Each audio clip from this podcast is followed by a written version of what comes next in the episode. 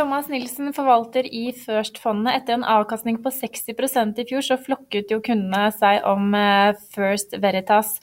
Eh, starten på 2021 har ikke blitt like god. Hva er det som har skjedd i år? Har det ikke det?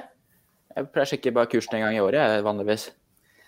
Nei da. Eh, det blir for kort sikt som både i fjor og hittil i år og som blir så kort. Vi må, vi må få lov å holde på en hvert fall fem år før du kan liksom si at vi er flinke eller ikke. da.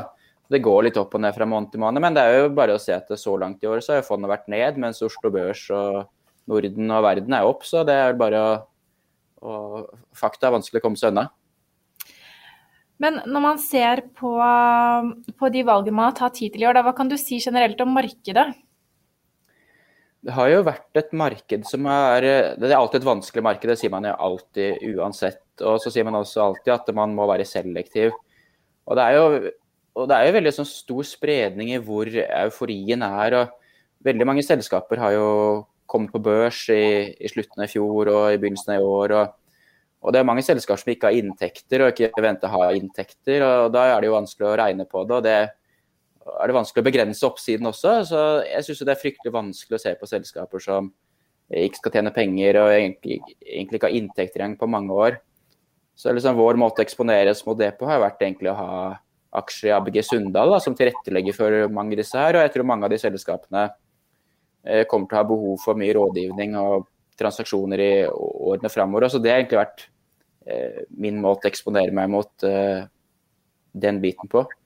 Fordi denne, er jo, Entusiasmen er jo, varierer jo litt fra sektor til sektor og, og, hvor det er. Men nå er det definitivt på en sånn type selskaper som får oppmerksomheten, da. Ja, Da tenker du på disse nykommerne vi ser på Euronex Growth. Men, eh, men, eh, din strategi etter hva jeg har skjønt, Thomas, har jo vært å velge aksjer som ingen liker. Og det ser ut til at alle liker disse børsnykommerne. Ja, så der eh, har jeg foreløpig bomma, da. Men men jeg skal også bomme på det, for for meg blir det en sånn greater fool-tilnærming. Og det er ikke det vi skal holde på med i det hele tatt. Å kjøpe et selskap fordi skal på børs, har stor interesse, skal du dumpe aksjene på en dag eller to eller en uke eller sånt. Det, det er ikke det vi holder på med. Da. Vi skal holde på med dette i mange mange år. Vi skal ha gode selskaper som leverer gode resultater over lang tid. Og så er det helt OK for meg at vi gjør det dårligere enn markedet til tider, når det er helt andre ting i fokus. Også en del andre selskaper som over tid har vist fryktelig dårlig nøkkeltall og dårlig kapitalavkastning og vekst osv., som har eh, steget i verdi av ulike årsaker, så, så lever jeg helt fint med at uh, ikke vi gjør det bedre markedet hver måned. altså.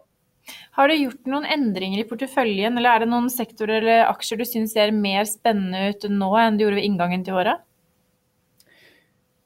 Av endringer så har vi jo solgt Bakkafrost ut av fondet. Det er den eneste sånn større endringen. men Eh, men det er klart, jo større endringer det er og sprik det blir mellom hvordan selskapene utvikler seg, jo mer rebalanseringer gjør jo vi. Eh, så Jeg nevnte jo ABG Sunndal, da, som jeg syns eh, har gjort det fantastisk godt. og De tjener fryktelig mye penger. Gjorde det i fjor. Det ser ut jeg telte opp her da, før jeg gikk på at det er gjort 29 dealer hittil i Q1. Og det er en snau måned igjen, så det ser ut til å bli et, et bra kvartal. Så det er et selskap som jeg er godt, godt eksponert i. Samtidig som du sa, jeg liker upopulære selskaper. Jeg bryr meg ikke som om det er populære eller ikke sånn sett, men et selskap som er upopulært, som jeg syns er skikkelig fett. Eh, som ikke du finner én som sier noe positivt om, det er Fjordkraft. Der har vi også hatt en posisjon som eh, ikke har utviklet seg godt. Men eh, du finner ikke noen som sier noe bra om Fjordkraft om dagen. Og det syns jeg er jo litt interessant å, å ha, da. Så det har vi tro på. Ja, hva er det som gjør at dere tror på det selskapet? Det har jo fått en rekke utfordrere den siste tiden, det også? Ja, det er både på teknologisiden så er det nye konkurrenter, og, og det med Forbrukerrådet som har vært på der, sånn, så gjorde jeg en liten sånn undersøkelse av sånn omdømmerisikosaker. da. Og alt fra hestekjøttskandalen til Findus til Tine og eh, Gilde og dieselskandalen til Volkswagen. Så sånne ting går over man glemmer det, man tilgir det, så det blir bare borte. da. Og så må selvfølgelig ikke Fjordkraft falle eh, bakpå på teknologien. Ja, det jeg har hørt om Tibber, altså. Sånn som alle prøver å si til meg. Fjordkraft har egen og og så tror jeg at det kommer til å gå seg bra til. Jeg har levert su suverent suverene resultater i 15 år, og jeg tror de klarer å komme seg videre med det her, selv om alle elsker å si negative ting om Fjordkraft om dagen. Det har jo vært en eufori for flyaksjer den siste tiden, og da tenker jeg vel ikke egentlig på aksjer, jeg tenker på én aksje Flyr. Eh, hva tenker du om eh, den nykommeren der, da?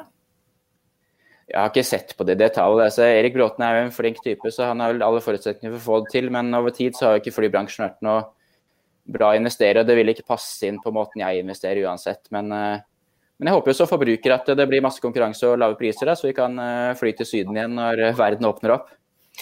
Men cruiseaksjene har jo fått kraftig medfart eh, under korona og falt eh, dramatisk. Det gjør ikke at du blir mer interessert i disse da, når de får sånn hard medfart? Jo, det kunne jeg sikkert blitt, men det er ikke noen cruiseaksjer i Norden å kjøpe. Og så har jeg bare, jeg bare innbiller meg at mange av de har ganske mye gjeld også, så det sannsynligvis ikke hadde passa inn uansett. Og risikoen hvis du er eksponert i sykliske bransjer med mye gjeld, så er jo det noe som er sårbart. da. Men det har vært sånn generell uttalelse, egentlig, for jeg har ikke sett på de i detalj her i Norden, som egentlig er. Men det har jo vært litt volatil start på 2021. Vi har eh, to dager opp, to dager ned. Det er ikke de største utslagene hvis vi sammenligner kanskje mot fjoråret. Men hva er det du har mest fokus på når du gjør eh, plasseringer eh, akkurat nå? Er det smittetall? Er det økonomien som gjeninnhenter seg? Altså, hva, hva, hva skal man ha fokus på? Jeg har fokus på å se på selskapene sine prestasjoner over lang tid, som viser om de har høy kvalitet eller ikke. da. Og det er det som teller for meg, at det er et skikkelig, skikkelig bra selskap.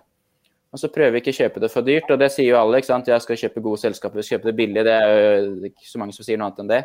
Men vi måler dette her over, over lang tid, da gjør det mekanisk. Og det tror jeg kommer til å bli veldig bra over tid. Og så la meg ikke prege, for jeg er så mye sånn psykologi. Jeg lar meg uh, blende av alt mulig, så jeg må bare holde fokus på det, da.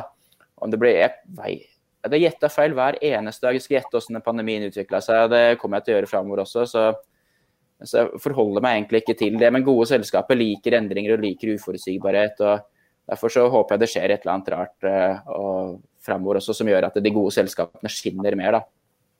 Så hva, hva sier magefølelsen din for uh, hvordan markedet skal utvikle seg for resten av året nå, da? Oh, denne magefølelsen min den er upålitelig, altså. Så det, jeg veit ikke. Eh, jeg tror bare det er et kjedelig svar, da, men over tid kjøper du gode selskaper, ikke betaler for mye for dem, så blir det ganske greit. da.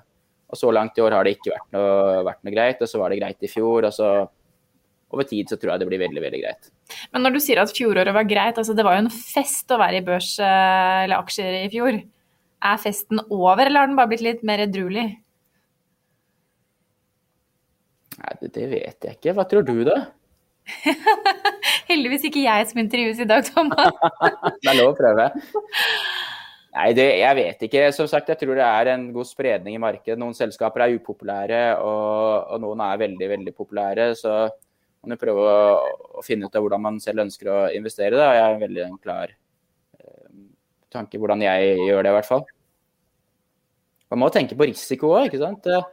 Du kan godt ta, sette alle pengene dine på rødt på, på ruletten, og så kan du få 100 avkastning. Det er ikke sikkert en god avkastning, selv om det er en høy avkastning.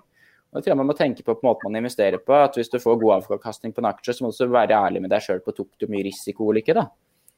Eh, for over tid, så Hvis en aksje faller 50% så må den jo stige 100 igjen for at så kommer bare tilbake til start. og det, det tror jeg er viktig å huske på. Da må du ha lykke til med investeringsstrategien for resten av året, så skal vi ikke være like strenge etter to måneder neste gang.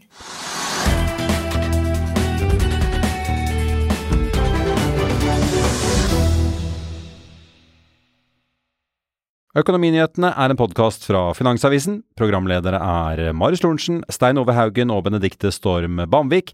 Produsenter er Lars Brenden Skram og Bashar Johar. Og ansvarlig redaktør er Trygve Hegnar.